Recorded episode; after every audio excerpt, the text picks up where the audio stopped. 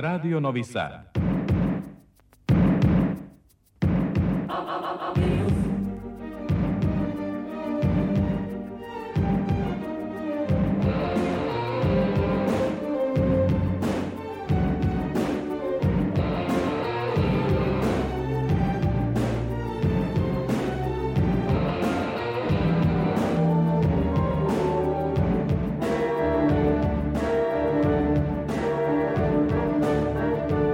Spektar.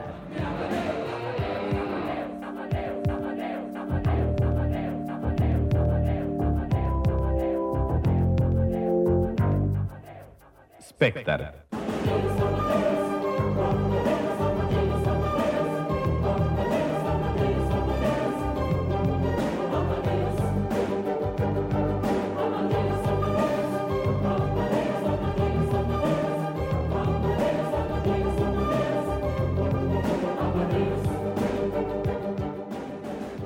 Dragi slušalci, ja sam Ivana Maletin Ćorilić i želim vam dobrodošlicu u Spektar. Iako septembar kišni možda nije izazvao onu radost očekivanu u nama, činjenica je da je doneo novi zamah kulturnoj sceni. O tome svedoči i nedelja za nama. U prvom septembarskom izdanju Magazina za kulturu Radio Novog Sada govorit ćemo o Petom kaleidoskopu kulture, kako organizatori navode, najvećoj umetničkoj smotri u ovom delu Evrope i nosiocu nagrade za najbolji evropski trend brand u oblasti kulture, koji je sinoć počeo u Novosadskom kreativnom distriktu. Novosadskoj premijeri filma Game rediteljke Ane Lazarević na trećem filmskom festivalu Obnova. O završnom činu ovogodišnjih Dunavskih dijaloga, tačnije nizu izložbi, objedinjenih pod nazivom Dunav plus Slovenija, priroda umetnosti. Biće reči i o senzornom teatru mladih i za mlade kao uvodu u predstojeći infant. A u Spektru čućete i razgovor sa dobitnikom nagrade za životno delo Pavle Vujsić na minulim filmskim susretima u Nišu, Slavkom Štimcem. Predlažem da ovo prohladno septembarsko veče provedete na talasima radio Novog Sada.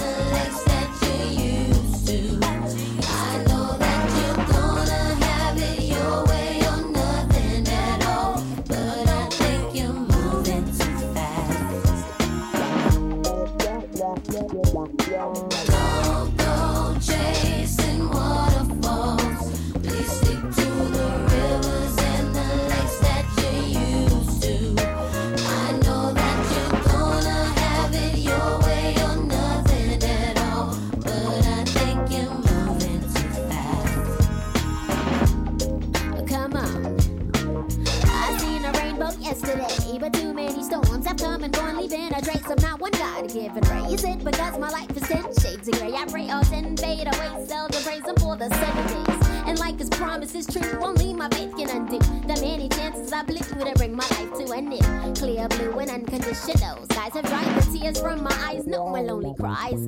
My only bleeding hope is for the folk who can't cope with such an enduring pain that it keeps them in the pouring rain. Who's to blame for two and gain into your own vein? What a shame you shoot an aim for someone insane and aim to stay in time for falling prey to crime. I say the system got you victim to your own mind. Dreams are hopeless aspirations and hopes are coming true. Believe in yourself, the rest is up to me and you. Go chasing waterfalls.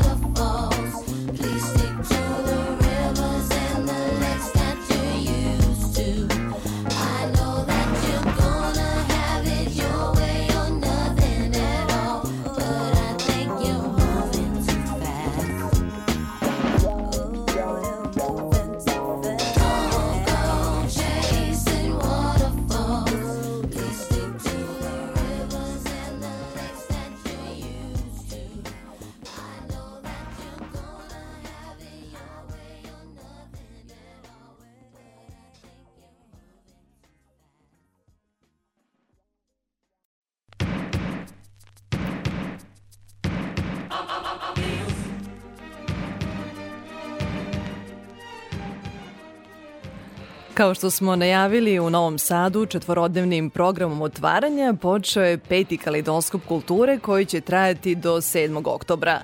400 umetnika iz 40 zemalja uvešće publiku u centralni deo manifestacije pet nedelja umetnosti, vizuelnu, izvođačku, primenjenu, arhitekturu i književnost. Dakle, kreativni distrikt kao novi centar savremenog stvaralaštva pokrenuo je sinoć pogone kreativnih industrija na gotovo 30 lokacija. Do kraja najavljeno je 250 programa u kojima će učestvovati 1000 domaćih i stranih umetnika. Jedan od glavnih koji će i obeležiti prvu nedelju arhitekture od 5. do 9. septembra je Bienale scenskog dizajna u organizaciji Fakulteta tehničkih nauka koji je ponovo oživeo u Novom Sadu, objašnjava njegova umetnička direktorka Mija David. Nalazimo se u prostoru glavne izložbe Bijenala scenskog dizajna. Ona se zove Majstorsko pismo i posvećena je onim ljudima koji su iza scene, ali ne, mi obično kažemo da su iza scene kostimografi i scenografi, ali ovde mislimo baš na one zanatlije koje sad pod idejama kostimografa, scenografa i ostalih autora izrađuju ono što mi posle vidimo.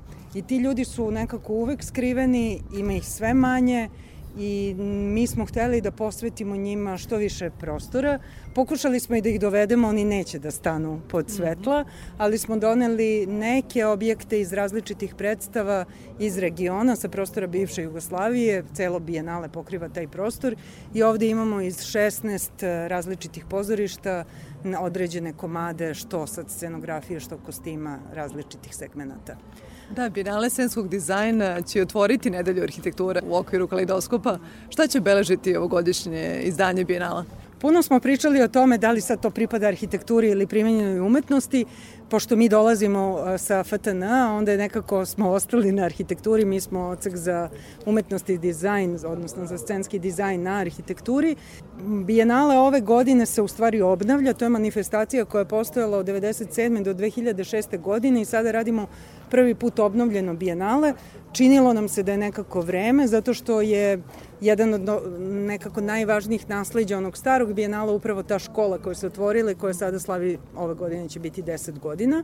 Kada govorimo o scenskom dizajnu, mi u stvari govorimo o jednom interdisciplinarnom, multidisciplinarnom polju u kome ne govorimo samo o pozorišnim praksama, već i o van pozorišnim, umetničkim i kustoskim praksama scenskog dizajna, a to znači svim onim oblastima koje, koje s- učestvuju u kreiranju događaja, a podrazumevaju svetlo, zvuk, kostim, scenu i tako dalje.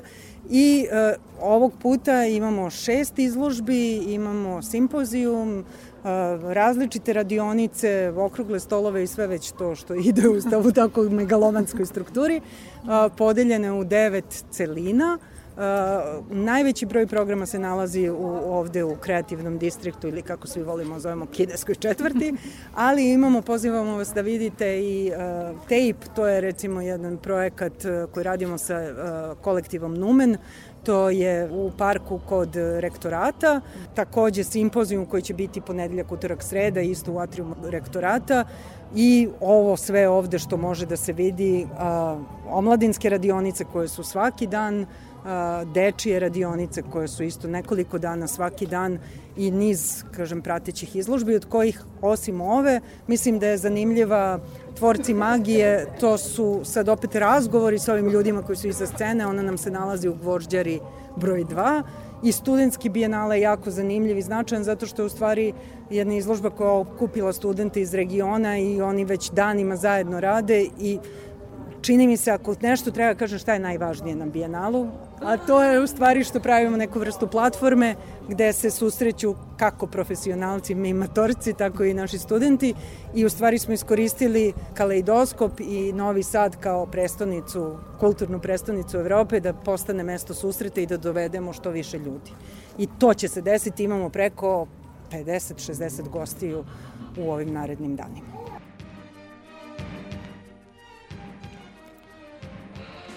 Deo programa otvaranja Kaleidoskopa kulture koji traje do nedelje je izložba Svetsko bijenale studentske fotografije najbolje iz 2022. Bijenale obuhvata i samostalnu izložbu japanske umetnice Rie Yamade, dobitnice treće nagrade na Bijenalu 2017. godine, čiji radovi će u kreativnom distriktu biti postavljeni do četvrtka. Sa selektorkom Ivanom Tomanović razgovarala je Ana Čupić. Izložba fotografija tokom godina izrasla je u važnu platformu za razmenu ideja međukulturnih e, susreta. Danas je to vodeća manifestacija u regionu koja promoviše dostignuće domaćih i stranih studenta u oblasti fotografije. Koliko je bitna promocija mladih umetnika iz različitih sredina? Pa vrlo je bitna zato što oni uče jedni od drugih na taj način. Jako je važno da vide šta se radi na nekim drugim meridijanima, u drugim kulturama, u drugačijim školama, drugačije obrazovanje. Znate i sami da naši studenti nemaju baš mnogo mogućnosti da putuju, pre svega iz ekonomskih razloga, tako da mi smo razmišljali na taj način, hajde da mi onda svet dovedemo ovamo, kad već mi ne možemo u svet i veoma je korisna ova neka vrsta virtualne interakcije zato što se ti studenti faktički ne vide i ne druže, ali evo komuniciraju ovako putem, putem fotografija, a suštinski imamo jednu promenu ove godine što smo dobili Rije Yamada, ona je 2017. godine dobila treću nagradu, ona je japanskog porekla, ali živi i studira i radi u Berlinu, tako da evo ona nam je gošća sa svojom samostalnom izložbom, a upoznali smo je upravo preko Bijenala svetske studentske fotografije. Komunikacija putem umetnosti je svakako najlepši oblik komunikacije, a na ovoj izložbi učestvuju studenti iz 36 zemalja. Iz kojih država da oni dolaze i da li postoje bitne razlike u principu rada naših eh, akademija i stranih eh, u ovo vreme globalizma? Ne mogu baš da kažem da li postoji razlika u principu rada, jer to ne znam, ali gledajući radove mogu da kažem da nema zato što se oni negde, e, naravno razlikuju, razlikuju se pre svega kulturološki, ali u kontekstu tema koje ih interesuje kako im pristupaju, to je na neki način vrlo, vrlo slično. Kada je u pitanju selekcija ovih radova, naravno žiri ima jako puno posla jer treba da sagleda toliko dobrih radova i da se snađe zapravo i odluči šta je to najbolje od najboljih. Kako se žiri odnosi prema mnoštvu tema i pristupa? Kako dolazi do te selekcije krajnje? Pa ono što je novo u, i u savremenoj fotografiji uopšte i u zlaganju i prezentaciji, to su koncepti koje studenti pišu. I oni nama, članovima žirija, u velikoj meri pomažu da razumemo u potpunosti kontekst onoga što ti studenti rade, tako da mi spajamo taj tekst, tu reč i sliku. I gledamo koliko sam rad odgovara kontekstu i konceptu koji je student napisao posao. Isto tako tražimo nove teme, nove pristupe, originalnost. Ponekad je to u zanatskom smislu, u tehničkom, nekad je to samo u tom kontekstualnom, umetničkom smislu, ali ne znam kako bih rekla, posle toliko gledanja fotografije, toliko iskustva, vi jako lako, jako brzo izdvojite ono što je izuzetno, ono što je drugačije, ono što je bolje od svega. A ima nas i petoro uvek u svakom žiriju. I to je internacionalni žiri, tako da moramo da se usaglasimo svi na kraju.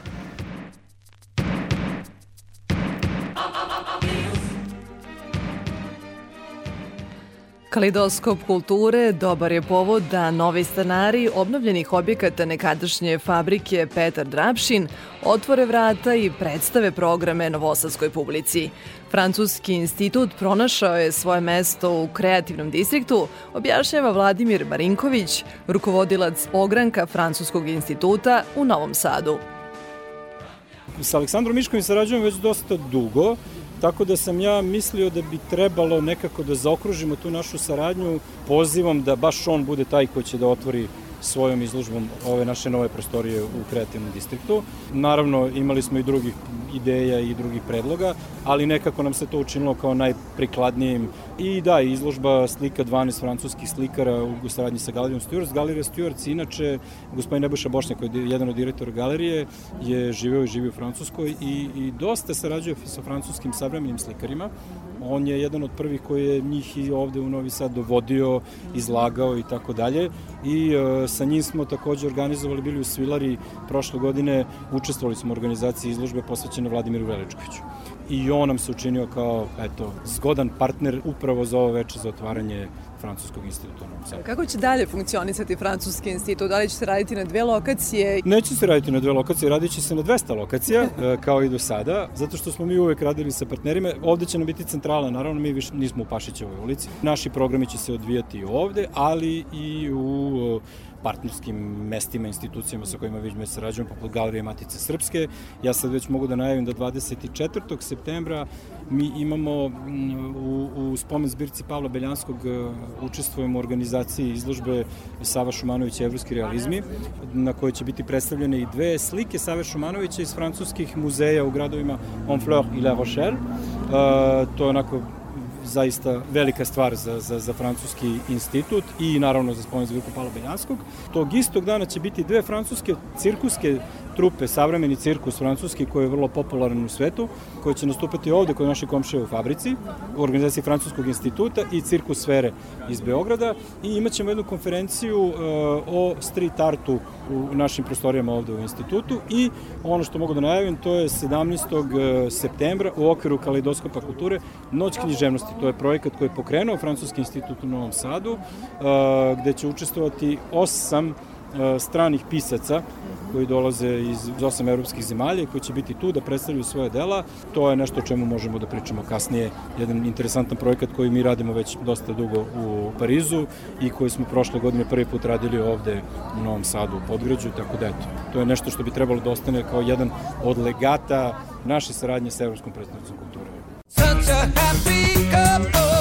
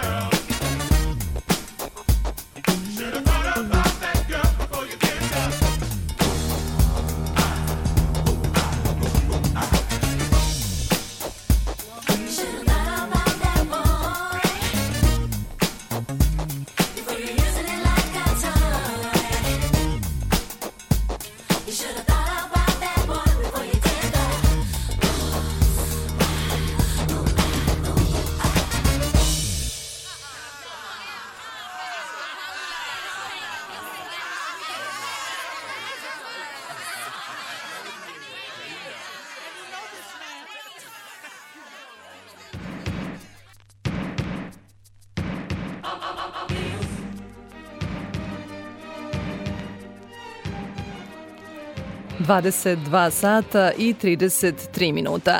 Slušate radio Novi Sad. U Spektru nastavljamo priču o aktuelnom kaleidoskopu kulture, celogodišnjem projektu kulture zajedništva, koji kroz različite procese spaja umetnike, ustanove kulture, nevladine organizacije, građane i posetioce, da bi krajem leta predstavio prostore i programe širom grada, promovišiću jedinstvenu sliku raznolikosti Novog Sada. Naime, zahvaljujući kaleidoskopu nakon 33 godine, Novi Sad kao kulturna prestonica Evrope ponovo je domaćin sleta, ali potpuno drugačijeg od onog na koji smo navikli. U susret nedelji izvođačke umetnosti dobitnica Gremija Dobe Gnahore izvela je sa novosadskim umetnicima i volonterima performans nasuprot vetru odgovor na slet. Pripreme za taj, kako je najavljeno, umetnički i kritički odgovor na slet trajale su šest meseci. U njime je učestvovalo 580 mladih novosađana, četiri rediteljke i četiri koreografa. Otkrila je Vesni Farkaš, jedna od koreografkinja, Gordana Oreščanin. Sa nama Gordana Oreščanin iz Vivo Dance-a, ali jedna i od partnerki u, u nastajanju sleta nakon 33 godine. Koliko znam, tačno toliko je prošlo od poslednjeg sleta, a mnogo tu sam im bio zabilo. I pozorište mladih i mnogo toga je bilo uključeno. Ali Gordana, hoću da te pitam, e, videla sam šta su u stvari odgovori. E, kako da plešemo zajedno ako mislimo drugačije? Kako da plešemo zajedno ako hoćemo svi da budemo slobodni? Kako da plešemo zajedno ako smo preplašeni? Dakle, da li je to sve ili kako da plešemo zajedno ako je ovo slet samo još jedna predstava. Ja moram da ti kažem da su sva ta pitanja verovatno bila i u nama kad smo mi bili mladi, kad su bili pravi sletovi, ali nas niko nije pitao. Niko nas nije pitao. Tako da ja ne mislim da je ovo sad neko otkriće Amerike niti tople vode. Tako da ja stvarno mislim da je to u, u svim generacijama mladih tako pitanja milion, pa i mi smo imali milion pitanja.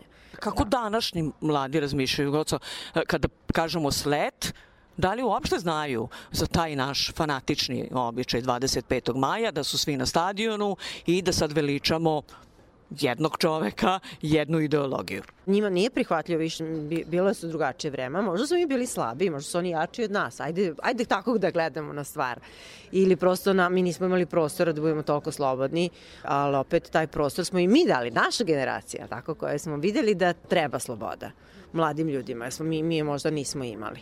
Zaista, ja sam, ja sam fascinirana da baš ništa nisu znali ni to kao, kao 500 mladih ljudi, kažem šta 500, 5000 mladih ljudi na stadionu jer mi smo negde planirali da budemo da ovo sve radimo sa pet, 500 mladih ljudi, ali e, nećeš verovati, nisu, nisu se uopšte bili oduševljeni sad da oni tu nešto rade, da svi rade za, za jedan trenutak, svi zajedno.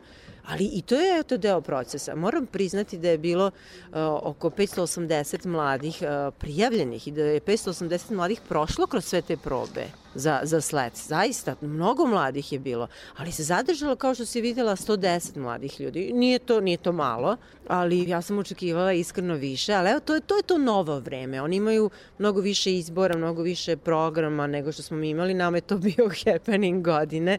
Svi smo se utrkivali ko će biti na sletu, pa ako nisi up- upao, što bi rekli, si bio očajan. Ali oni ne, oni imaju neke druga interesovanja, tako da nismo se mi ni trudili da pravimo stari slet, da ih sad da ih pravimo od njih vojsku, jel, jel uh, ideja ovog celog projekta je bilo da oni budu upitani šta, šta kako vi vidite da se de, demonstrira uh, mladost. Kao što, što smo mi, mi smo stvarno nekad u onom starim sletovima demonstrirali mladost u, u smislu svi smo snažni, svi smo super, svi smo, jel, niko nije bolestan, niko nije ranjiv, evo, svi na mišiće, a vidiš kako oni su, uh, a gledala si predstavu, oni su baš insistirali na tome da se pokaže različitost i ranjivost, pa ja, ja im se divim, ja stvarno, i malo im i zavidim, znaš, To su zaista mladi ljudi koji, možda im je ovo čak bila i neka prekretnica da, da vide šta je nekad bilo i koliko su zapravo oni slobodniji i bogatiji nego smo bili.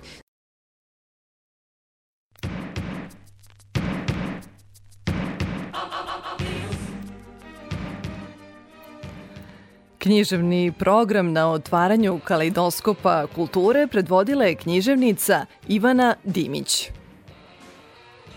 Sa nama u našem gradu, Evropskoj predstavnici kulture, Ivana Dimić, dobitnica Ninove nagrade za roman Arzamas 2016. godine, a pre tri godine su izašle sve u svemu, pa onda su to negde i odabrane priče, odnosno vaše kratke priče, ima ih iz nek 95. i ranije. Da, da, da. Nekih divnih, znam da vam čak prvo poglavlje Crna-zelen koja je negde... Jeste, to je prva, iz prve knjige Crna zelen, pa onda iz druge knjige, pa iz treće, pa iz četvrte, pa iz pete, pa onda neke savremene.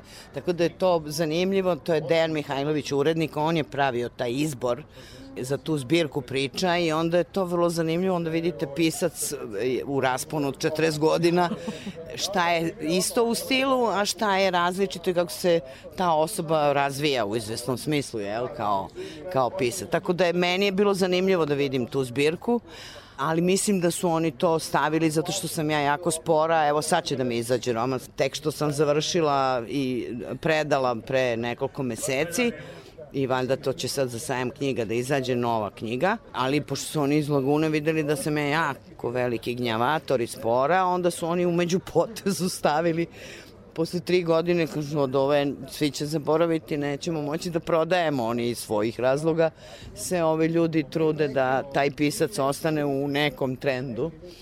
A ja, pošto sam običan penzioner, meni ništa se ne žurim, ja polako pišem A to se negde u vašem životu vidi zato što prosto dramaturškinja ili dramaturg po vokaciji, kako god želi zbog rodnih studija, da to ne pogrešimo i A da se sad negde... je u Americi sad- da sad to, ja sam čula da je najnovije da ne daju sad više da se govori u, u ženskom rodu, nego da je to uvredljivo, a da u stvari treba da se kaže, jer naročito je nezgodno to dramaturškinja kao da je drama iz Turske ili ne znam što je nešto bez veze. To sam baš napisala sad u ovoj knjizi, jer dramaturg je strana reč, vi ne možete i drugo, kako da kažem, ne možete od priloga praviti imenica, to je jako čudno. Onda ćemo mi reći dramaturg. Dramaturg, Dramaturg, tako. Nemačka reč i to ima oznaku za tu funkciju, za taj posao. Za dramaturg to je osoba koja se bavi svim u vezi sa dramskom literaturom u pozorištu. Ili već, može i na filmu, i na radiju, i na televiziji. Ja sam radila... Sve to. Ja sam radila u pozorištu na, uglavnom, a radila sam i neke serije i ovo ono pošto sam dugo živim i onda sam do, dosta mi velika biografija. To kad odete u penziju, to onda i vi posle ispadne da ste radili tu što i tma stvari. Ivana, zašto kažete da neobično volite priče? Pa volim, jako volim to. Imam jednu priču koja tako počinje da ja jako volim priče.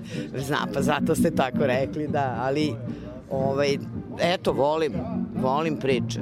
Volim to. Mislim, reč je fascinantna meni. Pripovedanje. Pripovedanje. I ne, ja nekako čvrsto verujem da je mnogo teže napisati kratku priču nego roman. Jeste li vi stojite za toga? Ja, ja mislim isto tako, zato što roman vam daje veliki prostor da, da obrazložite nešto, neku motivaciju ili ne znam šta, a priča je kraća i najsavršeniji oblik, kako da kažem, pisane književnosti je poezija, zar ne, jel? Koja treba da sažme da sažme najviše moguće, a da kaže, da kaže najviše. Dakle, u oktobru za sajam knjiga možemo da očekujemo novo štivo. Jeste. To se zove iz mrtvog ugla. Iz mrtvog ugla, dobro. Ivana, hvala vam mnogo i e, dobrodošli u Novi Sad i da se lepo provedete i da onda se družimo već na pr- promociji iz mrtvog ugla, ako tako ostane. Da, da, ali ja sam, samo moram da kažem da sam fascinirana ovim distriktom, kako izgleda. Ovako je bilo u Leipzigu kad sam bila na, tamo na sajmu knjiga koji je naročito važan za pisce. Ovo mi liči, ovo toliko lepo izgleda da sam očarana potpuno.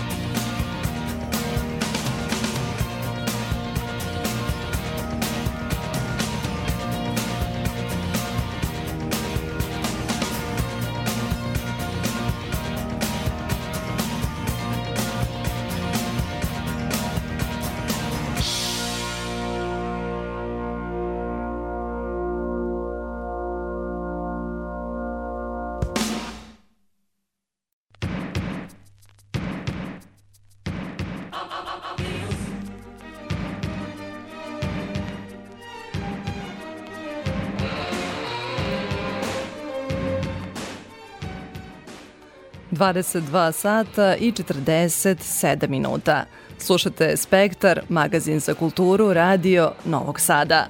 Novosadski filmski festival Obnova doživljava treće izdanje takođe u okviru petog kaleidoskopa kulture. Osim takmičarskog programa dugometražnog igranog filma, do nedelje na repertuaru su i naši kultni digitalno remasterizovani filmovi. Specijalna nagrada za doprinos domaćoj kinematografiji biće dodeljena po prvi put i to reditelji Radivoju Raši Andriću, a u okviru specijalnog programa. Žiri će odlučivati o nagradama u sastavu Milan Puzić, scenarista, Kalina Kovačević glumica i Slobodan Ivetić režiser, koji prošle godine učestvovao na festivalu sa filmom Kreka Lovac na snove. Publika će moći da vidi 12 filmova, a pojedini domaći naslovi imaće novosadsku premijeru poput Ale lepo ovaj svet, komedija na tri sprata i film Game koji je prikazan prvog dana festivala u kreativnom distriktu. Glavnu ulogu tumači Branislav Trifunović, a rediteljka je Ana Lazarević. Jedan od razloga zbog kojih se odlučila da snimi film su, kako kaže, predrasude koje imamo i prema krijumčarima i prema migrantima, a koje je kao srpkinja u Americi do neke mere i sama osetila. Naziv filma Igra na prvi pogled asocira na neku dečju igru ili video igru, ali zapravo je reč o nečemu mnogo složenijem i mračnijem. Uh, jeste mračnim, ta- ali samo film nije mnogo mračan, ali ljudi očekuju to od filma koja se bavi migrantima, ali jeste, zove se The Game na engleskom i mi smo preveli ponegde igra, ponegde game, zato što tako i naši koji žive ovde i migranti koji su ovde, svuda, svuda po svetu zove to the game kada prelazu preko granice i to je kao jeste mračno, i jeste na neki način cynical, cinicizam, znaš, uh, tako se kaže na engleskom, izvini, ali uh, jeste na neki način um, mračno, to je kao igre, da, da imaju igru sa policijom, kako će oni da prođe preko granice. Ili to neka vrsta i ruskog ruleta? Jeste, nažalost jeste. I tu ima mnogo priča, ne može samo jedan film da bude o tome. Znaš, dosta su mi pitali kao zašto, zašto ćete da napravite ovaj film, ima već filmove o migrantima, ali nije kao da ima samo jedna priča. To može svašta da se desi na putu, tako da jeste baš tako. Zapravo ideja, ako se ne varam, potekla od novinarke koja je čula za neko slično iskustvo kojim se i film bavi. Jeste, tako je. Ja sam studirala na Kolumbiji u Njujorku. Jedna moja drugarica, ona je bila novinarka i bila je u Turskoj, upoznala maloletnike iz Afganistana koji su prelazili granice i to mi je zanimalo, ta njihova priča, to je bila neka prva inspiracija, njeno iskustvo sa njima. Kako je došlo do realizacije ove ideje i do izbora glumaca? Do izbora glumaca, e, to je bilo jako zanimljivo, ali malo i duža priča, ali ja sam radila sa Bane Trifunovićem na kratkom filmu, a, to smo snimali 2010. I onda tu sam videla da sam baš volila kako ispao taj film, svidela mi se naša saradnja i tako odlučili smo da radimo na dugometražni film. A, a Jusef, a, Mehdi, Amir i Hamed, oni su bili izbeglici, živjeli u, u Srbiji tada i, um, i Jusef i Amir, oni su braća, oni su iz Jemena i Mehdi i Hamed, oni su takođe braća iz Irana. Ja sam ih upoznala u naš u kamp uh, u Pančevo i a, imala sam puno sreće što sam njih upoznala u to vreme kada smo snimali. Da, a, zato što ja sam napisala scenario naravno godinama pre nego što smo snimali, to sam godinama radila na scenariju, ali 2018. godine dana pre nego što smo snimali, ja sam napisala jednu scenu da sam želela da ti tinejdžeri, da su oni beatboxeri i tu sam cijelo neku čitavu scenu napisala o tome i onda Bane je to pročitao i kao, znaš, bit će ti teško da nađeš nekoga naturčika koji ume da glumi i koji će da baš da, da ozbiljno shvati ovaj projekat i plus onda mora i da beatboxuje. I kao, jeste, ti si u pravu, mislim, ovo je bez veze, to mi i ne treba. Meni je samo bilo bitno da njih nešto zanima, da se vidi ta neka neka strana njihova da su tinejdžeri, a, da nisu samo migranti, nego da imaju neke druge um, stvari. I, ali onda se desilo kad sam upoznala Jusufa drugog dana castinga, ja sam ih pitala, meni je bilo malo blam da ih pitam da li ste vi beatboxeri, zato što to je jako specifično da nekoga pitaš. Ali kao, pa onda sam se stidela, pa kao, da li vi imate neku kao, neki talent za nešto, kao, ja kao, a, a ovaj jedno laknuo Jusufa i kaže, "Po- pokaži kako ti znaš da beatboxuješ. I onda ja sam se skroz iznenadila, zato što tada nisam imala backup bilo vrlo mali broj ljudi sa kime sam upoznala koji su mogli, koji su prihvatili da igraju film. Jako je komplikovano, svi idu na game, znaš, ne znaš koliko će dugo neko da ostane u Srbiji, tako da ovaj naš komisarijat za izbeglice i migranti, oni su mi samo odvojili neki mali broj tinejdžeri, srednjoškolci, da, da ja njih upoznam. Kad sam upoznala Jusefa, znala sam da je on to, to, Da, to je bio prosto savršen izbor. Uvek je izazovno raditi sa naturščicima. Koje su glavne prednosti, a koje mane tog cijelog procesa? Da, e, studirala sam sa Abbas Kiarostamijem u Kubi, pre što sam snimala film, baš da bi malo naučila da vidim kakav je taj njegov proces. I prvo je da promeniš a, scenario po njima i njihovim, šta bi oni mogli da, da nude filmu. I to je bilo kao broj jedan, a drugo je da to sve bude što prirodnije, da što manje jako, ne smem previše da intervenišem. Ali u nekom trenutku sam ja mogla da, da dajem Jusefu komentare koje bi inače dala glumcu. Ono što je negde optimistično jeste da su glumci danas ovde na ovoj novosadskoj premijeri. Koliko je taj film odredio njihovu sudbinu, a koliko su oni lično utkali svoje iskustvo u film?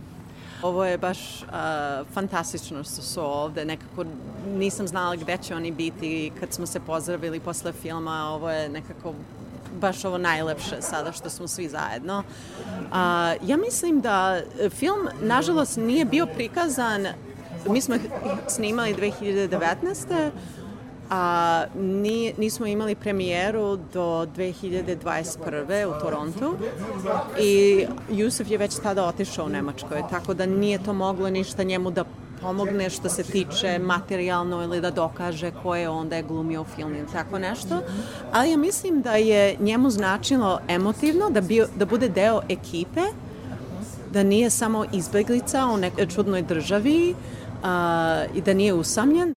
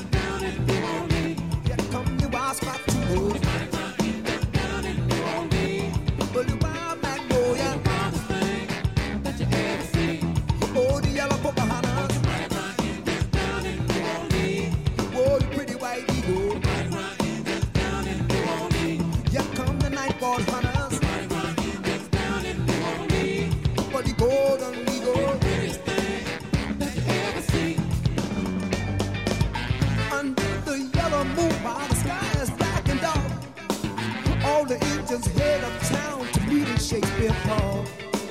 And they all gonna be there, have no kind of fear. They all soak for them brand new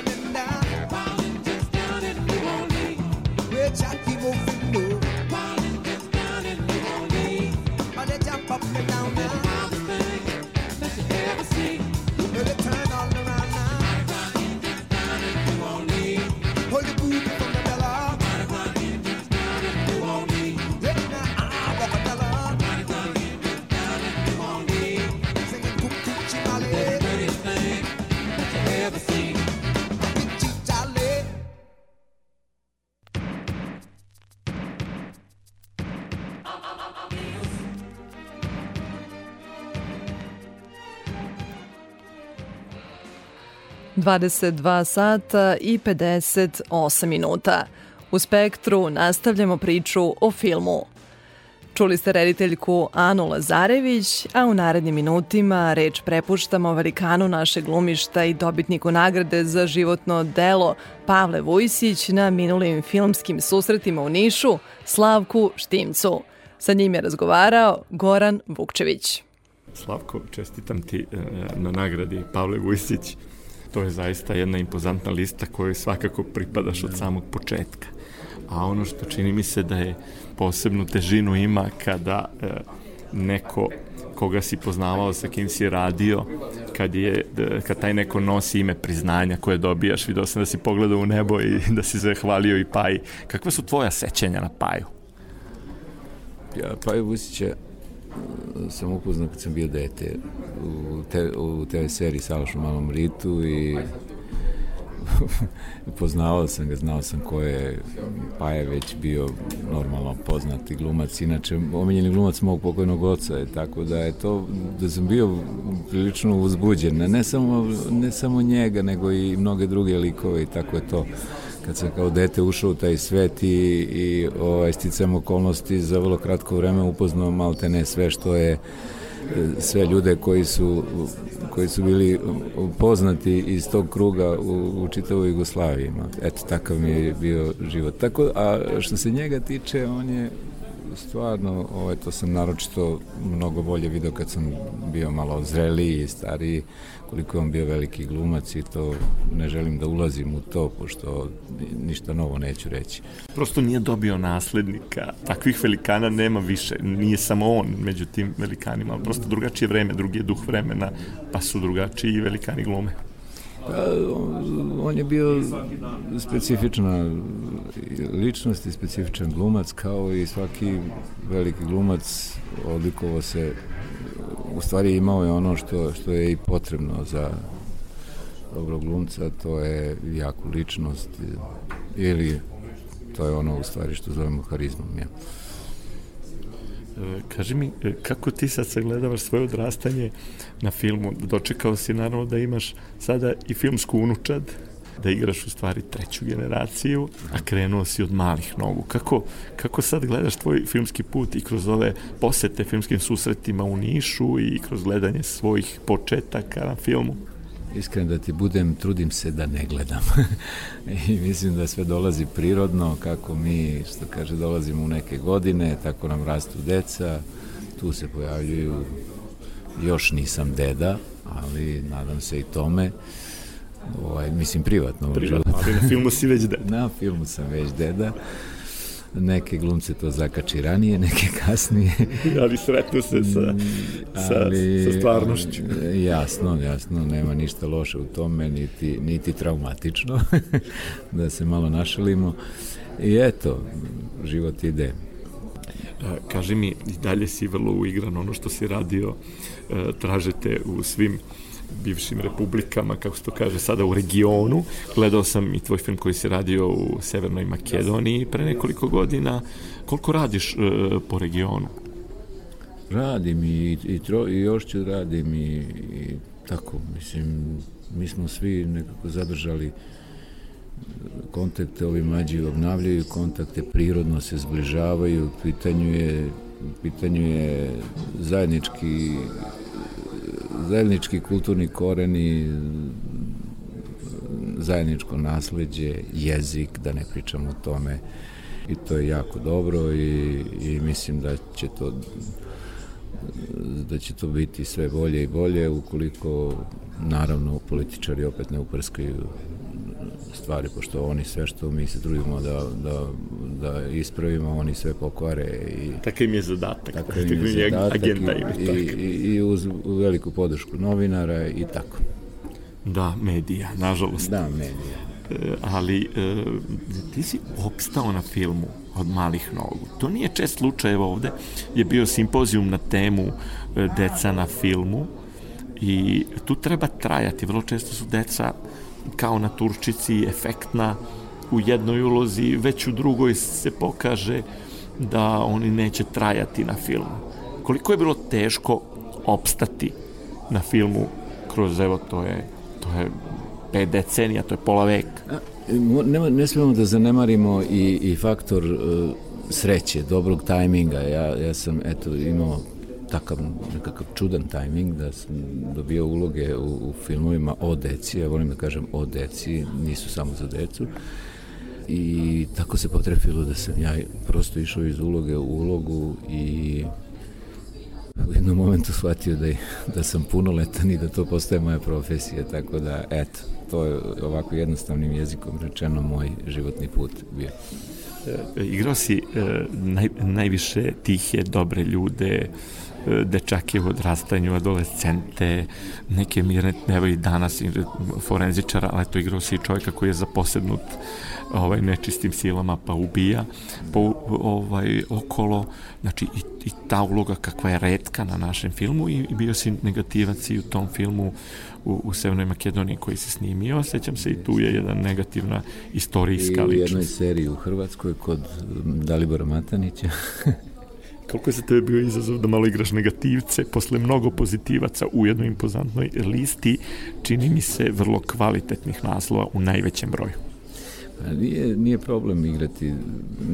Mislim da meni, meni lično se sviđa što je malo možda razbijen stereotip, ja ne mislim da baš mora e, e, glumac da bude određen samo za određen. Mislim da Samo negativac ili samo pozitivac? Jeste šta god to značilo, nego da je ovaj, najvažnije da bude dobro napisano. Kad me pitaju kakve uloge najviše volite, ja kažem one koje su dobro napisane, koje imaju svoje mesto u priči, koje imaju zaokružen karakter i to je vrlo prosto i vrlo jednostavno. Da, ima mnogo kultnih rečenica i serije e, Crna svadba, ti, ti si poneo tu kultnu reč koja je postala hit, katabaza.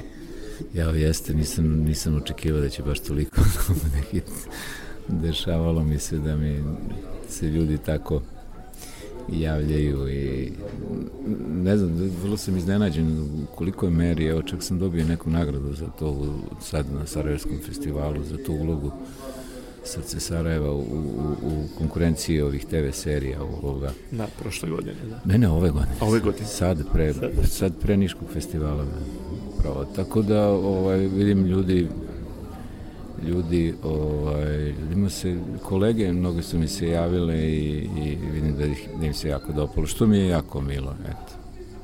Znači, Kako u sebi naći ovaj, takve, takve momente koji su ekstremni, kad treba odigrati nešto ekstremno?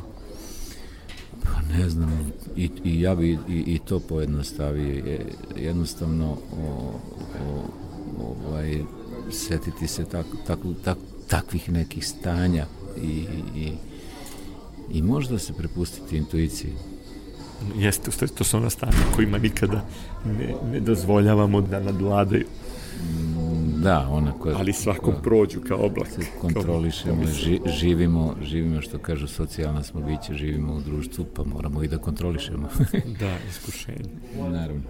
E, za neke filmove nije se e, računalo da će toliko opstati u vremenu, neki su naravno nestali iako su planirani bili da traju, Da. ali meni je zanimljiv fenomen e, recimo Paskaljovićevog filma Valjevo leto 68. Ti kultnih scena, ti kultnih, kultnih replika. Taj film su toliko ljudi zavoleli i čak i ja svaki put kada ga vidim, a često se emituje, sednem i odgledam do kraja od scene, prosto me toliko osvoji pa me ovaj, vrati uz ekran. E, šta misliš, šta je to što se dogodi kod takvih naslova da se oni zalepe za publiku, za narod? Očigledno da je, da je nešto stvoreno, nešto je napravljeno, neka, neka magija se desila i, i ljudi, i mene dan danas, bez obzira na generaciju, da li pripadaju generaciji koje, koje, koje su ovaj, rasle u, u vreme tog filma ili mlađima svi, svi o, svima se uglavnom film dopada i vrlo često me na ulici zaustavljaju i ponavljaju rečenice iz tog filma i tako. Mislim, film je zaista ovaj, doživao neke a, a, neki status kultnosti. Tako da je zanimljivo, da, lepo je to, da. Koliko si e, sa svojim partnerkama, partnerima ostvario prijateljski odnos za dalje, s kojima se, se pojavljivao više naslova i, ili recimo u, u nekim kultnim filmovima. Tvoje recimo koleginice sa kojima si radio uvek naglase koliko im je bilo prijatno da sarađujete. Čak i u delikatnim scenama. Evo, Ilja je dobila nagradu ovde, vi ste, niste samo se znali iz Doli Bell, već ste se znali iz zimovanja u Jakobsveldu kad si bio dete u, iz jedne scene e, gde, gde je igrala neku epizodicu Ljilja, recimo ona pominje taj, eto naravno kultni kusturični film Dolly Bell e, Dragana Varagić uvek naglasi tu divnu saradnju na varljivom letu e, koliko je važno da, da se partneri e, osete kao ljudi koji treba e, to da, da rade, što kaže Andrzej Vajda radi, film se radi sa dobrim prijateljima.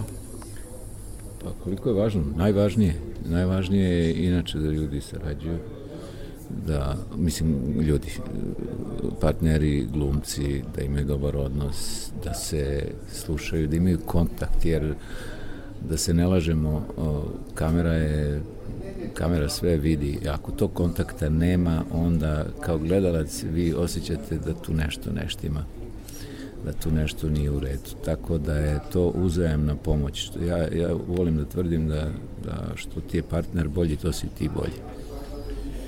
Hvala ti mnogo Slavko, neću ovaj, da te zadržavam, uskoro kreće konferencija za štampu vezano za tvoj nastup ovde u filmu Mrak Dušana Milića i vezano naravno za nagradu. U svakom slučaju srećemo se vrlo brzo pa ćemo nastaviti ovaj razgovor. Svako dobro. Hvala Gorane, svako dobro. I još mnogo uloga dobrih i pravih filmova. E to, to je Dobro naj- zdravlje. To je Da najvažnije. bi sve to moglo da se realizuje. Da. Bio je to Slavko Štimac za e, Radio Novi Sad.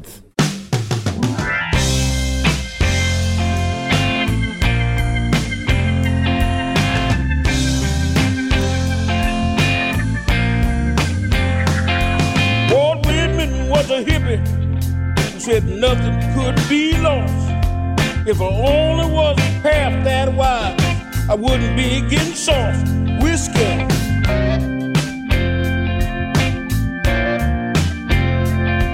Now Mozart was a superstar by the time he made 13. Sure would hurt my fingers, Lord, if I had to play that clean.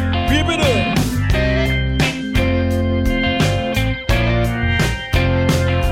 And I heard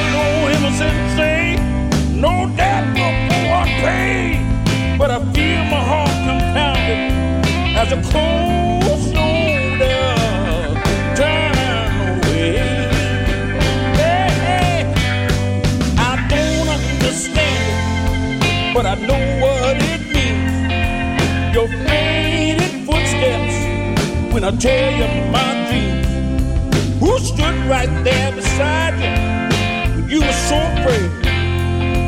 Now I'm crying out to no one as your footsteps fade.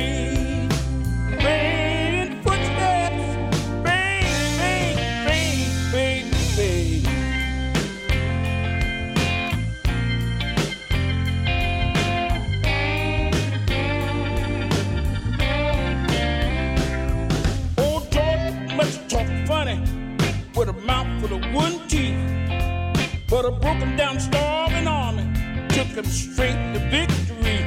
Good Lord.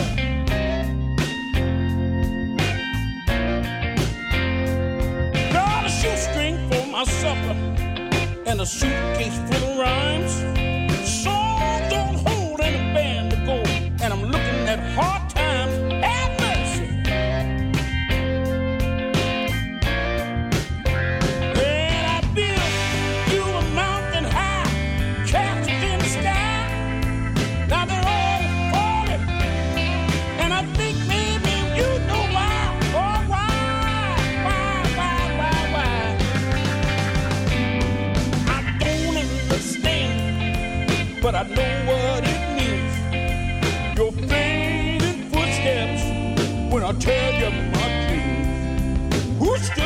never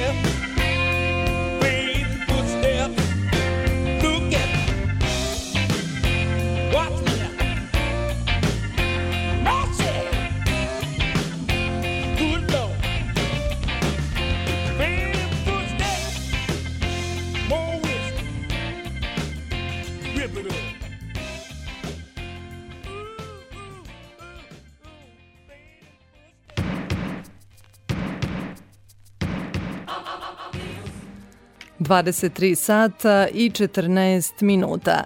Nakon filmske u Spektru pažnju posvećujemo pozorišnoj umetnosti.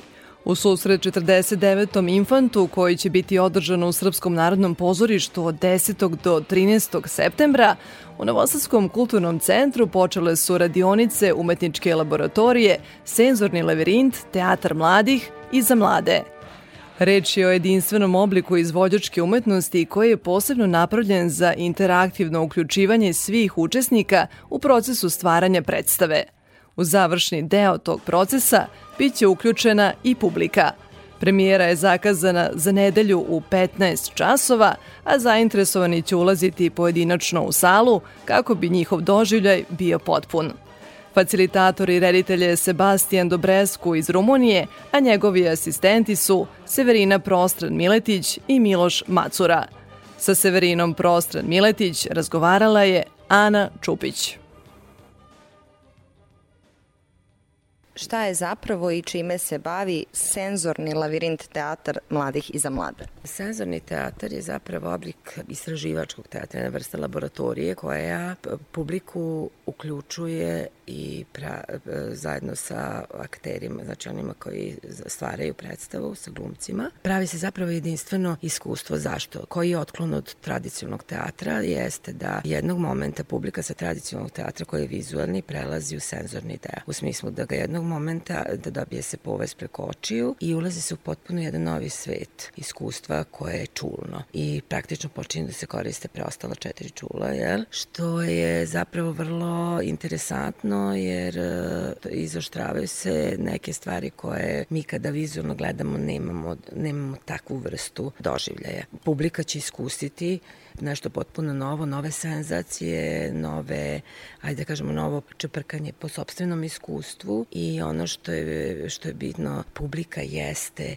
i učesnik u predstavi. Znači, pošto je labirint teatar takav sistem da se dešava u praktično se prave jedan lavirint kroz koji publika prolazi i do kraja performansa oni ulaze pojedinačno i do kraja predstave su sami sa glumcima na sceni. Tako da je svako iskustvo drugačije. Niko neće doživjeti kao kada u tradicionalnom pozorištu gledamo predstavu, niko je ne doživljava onako kako je, je tradicionalno vizualno, nego doživljava potpuno intimnost. Svaki korak, svaku scenu. Šta je bila inicijalna kapisla osnivanja ovog projekta? Ono što je bilo interesantno, ja sam prisustovala toj predstavi u Temižuru, zapravo tako je i nastala ova saradnja. Sebastijan i njegov senzorni lavirint teatar je nama prikazao svoj performans i meni se učinilo da je to interesantno za našu omladinu, kako na kvalitetan način da provede slobodno vreme, a opet da ima nekakav i terapijski efekat. Sa jedne strane pozorište može da leči, a onda da kako, na koji način deca mogu da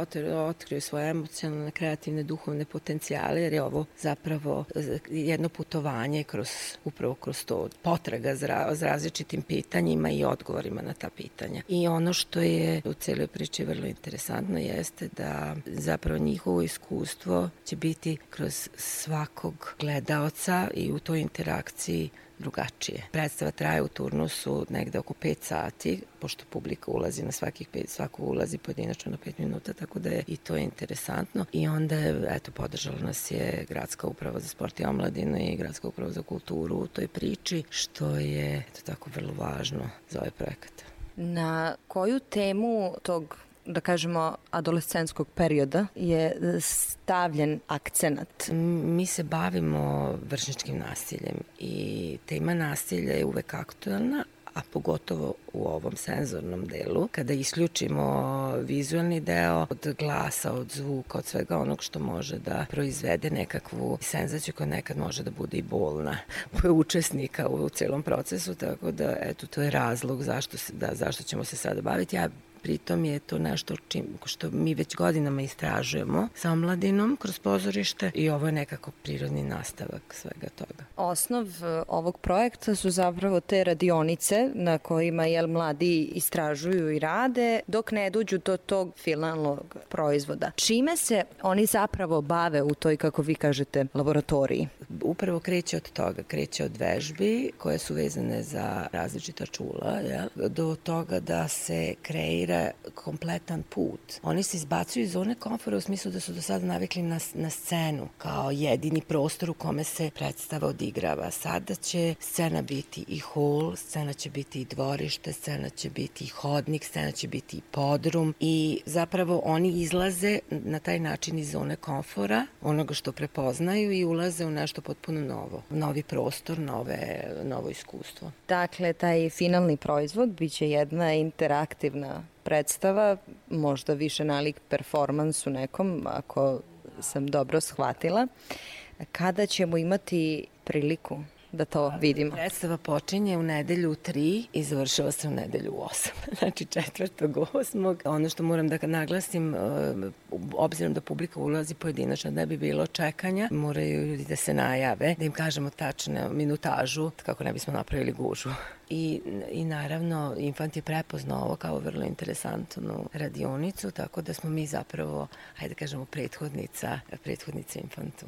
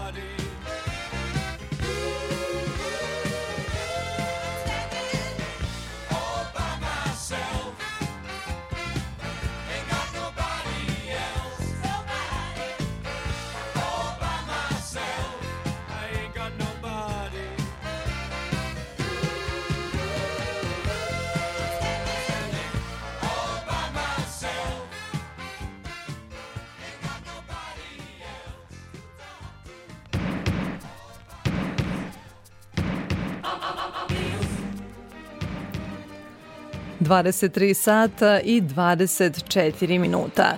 U poslednjem bloku ovog prvog septembarskog izdanja Spektra govorimo o aktualnim izložbama u Novom Sadu. Slike krovova grada, stilizovane i pretočene u tkanini i oslikani tekstil, izložene su u galeriji Forma Udruženja primeljenih umetnika Vojvodine. Pet umetnica predstavilo je svoje viđenja i istraživanja motiva različitim tehnikama, oslikanoj svili, pamuku i lanu i tkanim predmetima, kaže jedna od njih Lidija Ramač. Pošto smo mi autori iz različitih gradova i ima kolegnica iz Subotice i mi smo iz Novog Sada, znači svako je bio inspirisan krovovima svoga grada. Krovovi svih grada su dosta slični, ali ipak imaju te različitosti koje onda su vrlo inspirativne za umetnike, tako da se i na radovima vidi da ipak svako iz nekog drugog ugla je uradio svoja umetnička dela. A inače e, e, smo sveli na jednu geometrijsku formu sa linearnim ritmom, a opet asocira na krovove grada. Nizom izložbi objedinjenim pod nazivom Dunav plus Slovenija priroda umetnosti počeo je i završni čin ovogodišnjih Dunavskih dijaloga. Festival koji već 10 godina u Novi Sad dovodi savremenu umetničku scenu podunavskog regiona, predstavio je slovenačke autore u četiri izložbena prostora. U malom likovnom salonu, galeriji Suluva, galeriji Belart i novoj galeriji Akademije umetnosti. Kustos izložbe Peter Tomaš Dobrila, intermedijski umetnik i kreator programa Evropske predstavnice kulture u Mariboru pre 10 godina. Sa njim je razgovarala Aleksandra Rajić. Izložba se zove Dunav eh, plus Slovenija. Već godinama na Dunavskim dijalozima možemo da pratimo savremene slovenačku umetnost, odnosno da vidimo šta slo, savremeni slovenački umetnici rade. Kako to zapravo Slovenija gravitira Dunavu? Pa naravno, ja mislim da e, isto po tom pitanju, jer su sve ove naše reke kao pritoci, može se reći e, Dunava, isto se e, Drava koja teče kroz Maribor izljeva u Dunav kod Osijeka, To je najviši, najveći akvatorij kojeg je UNESCO prošle godine proglasio za prirodnom baštinom celog sveta i koji objedinje pet zemalja. Austriju, Sloveniju, Hrvatsku, Srbiju i Mađarsku. To je sad, ja mislim da jedan naš povezan teritorij o kome isto i priča ova izložba i isto mislim da moramo da razmišljamo u, u nekom ovakvom isto geografskom i naravno prirodnom i kulturnom regionu koji sjedinje više različitih zemalja, više, više različitih kultura, ali ipak nam, nama je u, u, u ovom podunavlju, kako se kaže, puno različitih e, ljudi, puno različitih e, gradova, sela, života, preko milion ljudi žive na... Kako bi, se to, e, kako bi se to definisali zapravo kao kulturni region, ceo taj prostor? Pa kao kulturni region, mislim baš zbog naše različitosti, isto i e, možda i budućnosti, i naravno nekih istorija koje imamo. Mislim da je to najveći e, akvatorij, odnosno geografski pojam koji e, baš e, uključuje ovih pet zemalja na svetu, mislim da je to isto izuzetna prilika za neko kulturno i, i opšte drugu razmenu, za neki novi pogled na, na mislim, na čitav ovaj region. Da, nije zapravo novina u savremenoj umetnosti da ona nastaje iz te neke, ako možemo tako da kažemo, ksenoepisteme. Dakle, ovo je iz ekologije u umetnost. Zašto je tu važna savremena umetnost, e, po vašem mišljenju? Pa ja mislim da je savremena umetnost baš, baš zbog toga, jer nastaje danas i ovde i nastaje u baš ovim različitim zemljama i isto ovi naši radovi koje smo doneli su u biti od prirodnih materijala, ako to sad nije suviše patetičko, isto su, je puno ima i recikliranih materijala. Doslovno ekološki. Da, da, da doslovno ekološki i tako smo isto imali do, do toga brigu isto do nekim, ne samo oni, ne znam, filozofski ili intelektualni intelektualni ili misalni odnos ili neki proces, već stvari i neki produkcijski, mislim da ono završetak ili produkcijsko ostvarenje nekog rada koje će se ovde vide tu, ne znam, nekoj materializirajućoj obliku skulpture ili slike ili videa i tako dalje, novih tehnologija je to, da. Da, pretpostavljam da je multimedijalni pristup ovoj Da. temi. E, šta je ono što ste doneli u Novi Sad? Ko su umetnici i kakvi su njihovi autorski izrazi? Pa to je toliko različito da, da je teško e, podvući, mislim da jednu skupnu crtu, ali ipak izložba, mislim da je ipak koherentna kao e, jedna celina, je, je baš to pitanje e, o čemu recimo možda ova izložba govori ili priča. Da li je to naravno o svetu, jeste. Da li je to Europi, jeste. Da li to ljudima, jeste. Da li to Europskoj uniji, također. Da li je to u kulturama različitim, također. Da li je to u sistemu, također. Da li je to neko solidarnosti, tako da. Da li je kritička, jeste. Tako da ima sve te različite, mislim da faktore, poglede unutra koji ima više nekih zajedničkih e, komponenata u, svim radoma i ko- koje se povezuju od e, recimo nekog, ja mislim da kritičkog odnosa do stvarnosti, do nekog ironičnog, do, do nekih drugih, ne znam, punih kontemplacija i do nekih, mislim da je doslovce ono direktnih asocijacija i možda nagovaranja publike kako je to ili postavljanja naravno pitanja. Baš zbog toga da nekako se i po jednoj strani e, pokušamo, ne znam, približiti onome e, što mislim da je možda u slovenačkoj umetnosti najbolje, ujedno onda i slušati ova četiri prostora, od četiri galerije gdje će se, se to pojaviti njihov program, to mi je bilo isto. Jedna od bitnih stvari da pogledam šta i da saslušam šta oni rade, ne da im sad navalimo i rasturimo sve to i tako da se nekako saglasimo sa konceptom tih četiri prostora, Da da, komuniciramo i tako da, da stavimo i da znamo neku suštinu i neku ne, njihovu vrednost.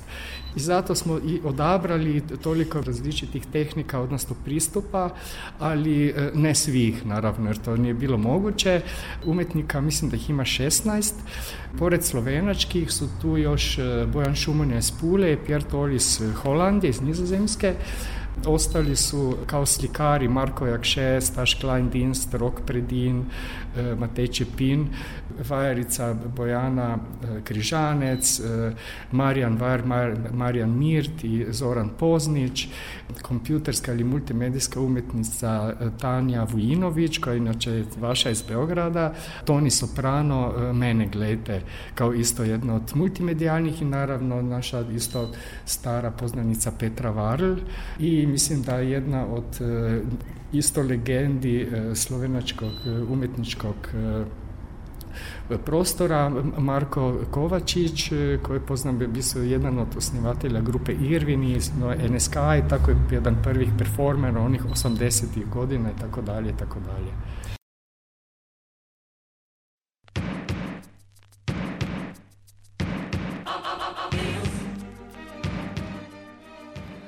A predstojeći vikend u Galeriji Matice Srpske poslednja je prilika da pogledate aktualne izložbe Paralele, Temišvar, Novi Sad i Partizanka i Fragonar, kolekcija slika Jovanke Broz.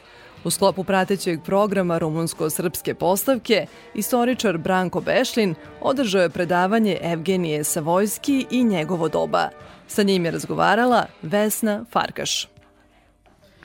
Sa autorom knjige e, Evgenije Savojski, Eugen ili vi, vi ga profesor naziva- nazivate Evgenije Savojski i njegovo doba e, koji je izašao koliko, znam 2014. I o tom Evgeniju koji je zapravo po rođenju Italijan, odrastao u Francuskoj, na kraju ipak završio kao veliki vojskovođa u Habsburgskoj monarhiji, Šta možemo da kažemo za njega? Koliko je zapravo kom- kompleksan? Da li po rođenju odrastao, naravno u Francuskoj i pobegao iz te Francuske i otišao za vojskovođa, odnosno u Austriju. Evgenije Savojski je e, najveći vojskovođa u istoriji Habsburgske monarhije, vekovnoj istoriji, a i jedan, ujedno jedan od najvećih državnika. On je e, u tom razdoblju između, to je prelaz iz 17. u 18. vek, poslednja četvr- četvrtina, odnosno 17. i početak 18. veka, on je potukao na zapadu vojske tada najmoćnijeg vladara u Evropi, Luja XIV. i otklonio opasnost Habsburzima koja je pretila sa te strane.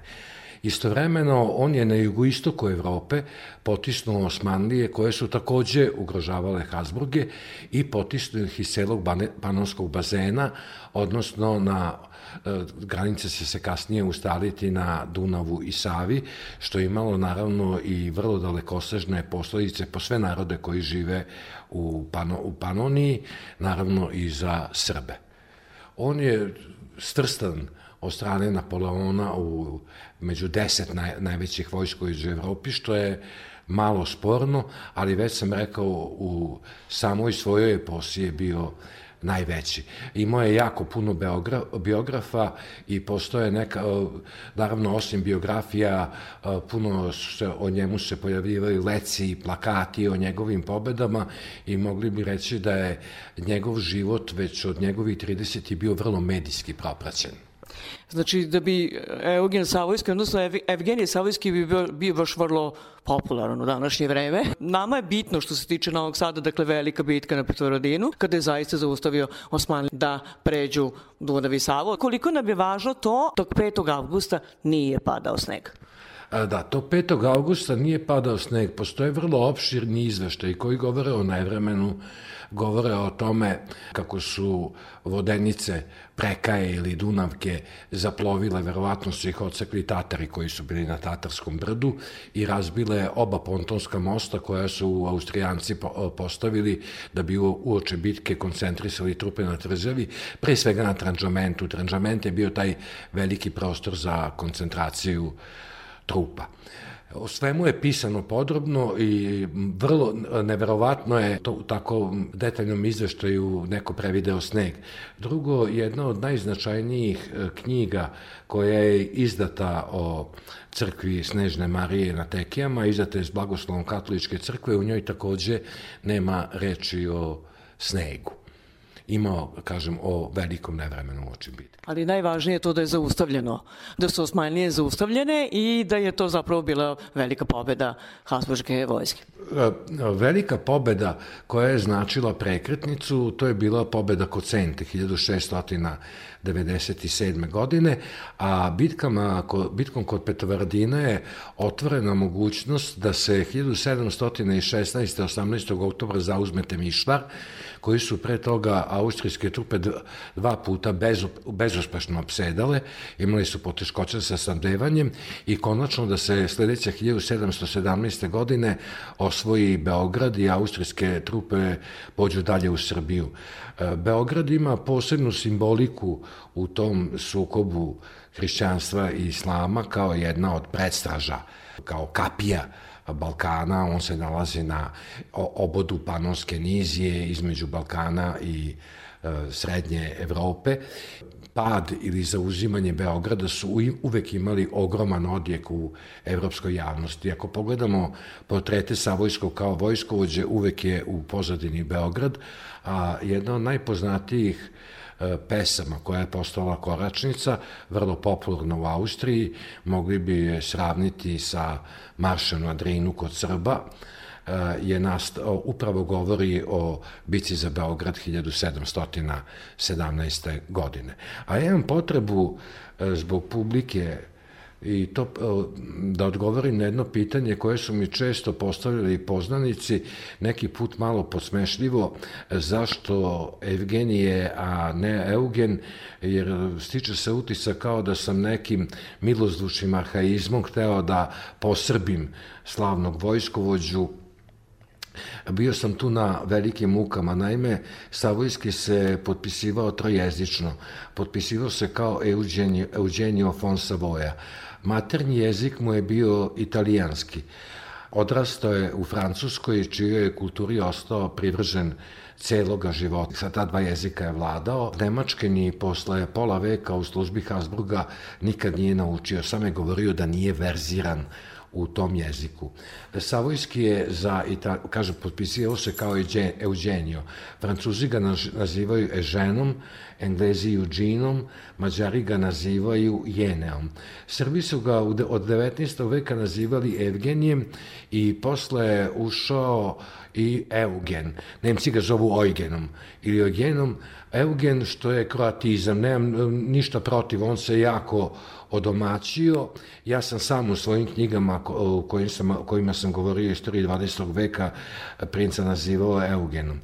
Knjiga koju sam pisao je iz rane moderne istorije, a istoričari srpski koji se bave tim periodom su uporno upotrebljavali transkripciju Evgenije, pa ja da ne bih uneo još veću zbrku, ja sam posle dosta premišljeno odlučio da se toga pridržavam. Rođen kao princ, a opet kažete da je stvarno bio uh, lošeg obrazovanja. Vrlo rano je ostao bez roditelja, 10 godina kada je ostao bez oca i 17, 16, 17 kada je ostao bez majke.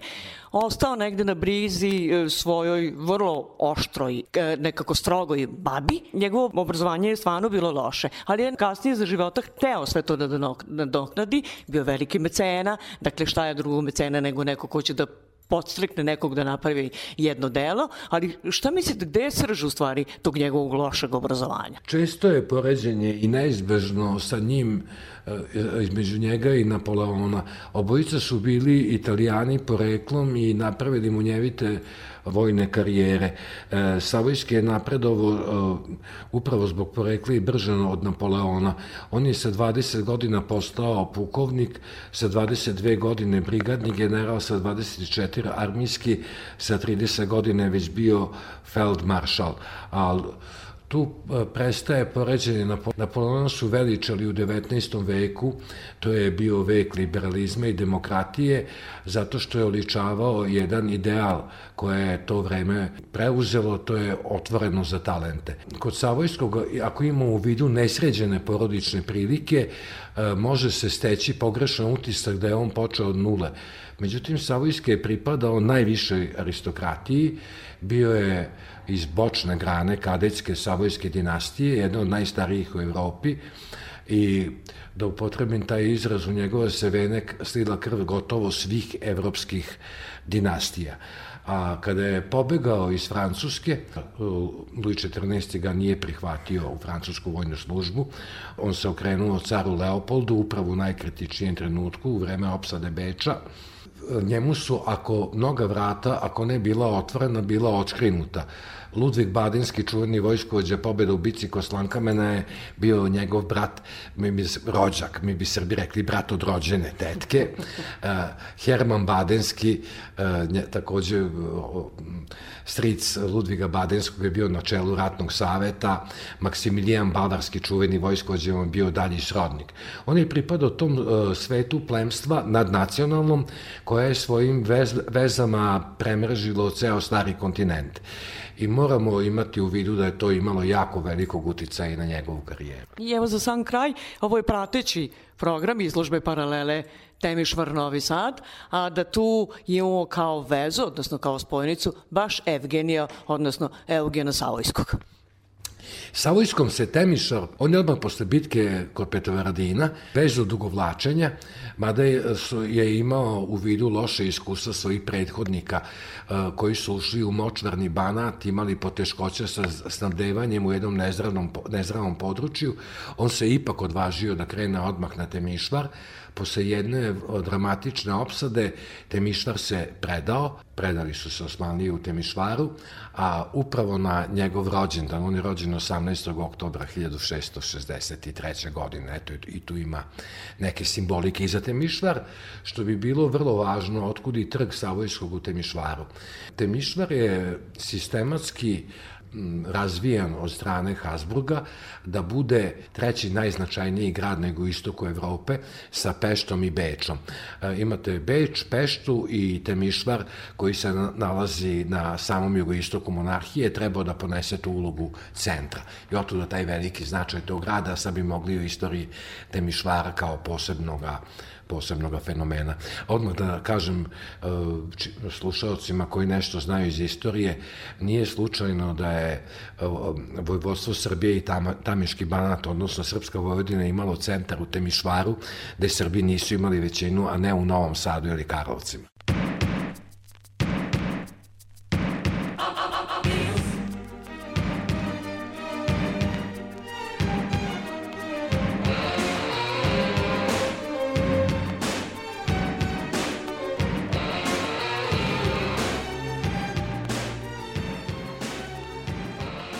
Dragi slušalci, stigli smo do još jednog, do kraja još jednog izdanja emisije Spektar. Nadam se da ste uživali u našem svojevrsnom večerašnjem kaleidoskopu kulture. Moje ime je Ivana Maletin Ćorilić i u ime ekipe koja je realizovala emisiju Spektar želim vam prijetan vikend.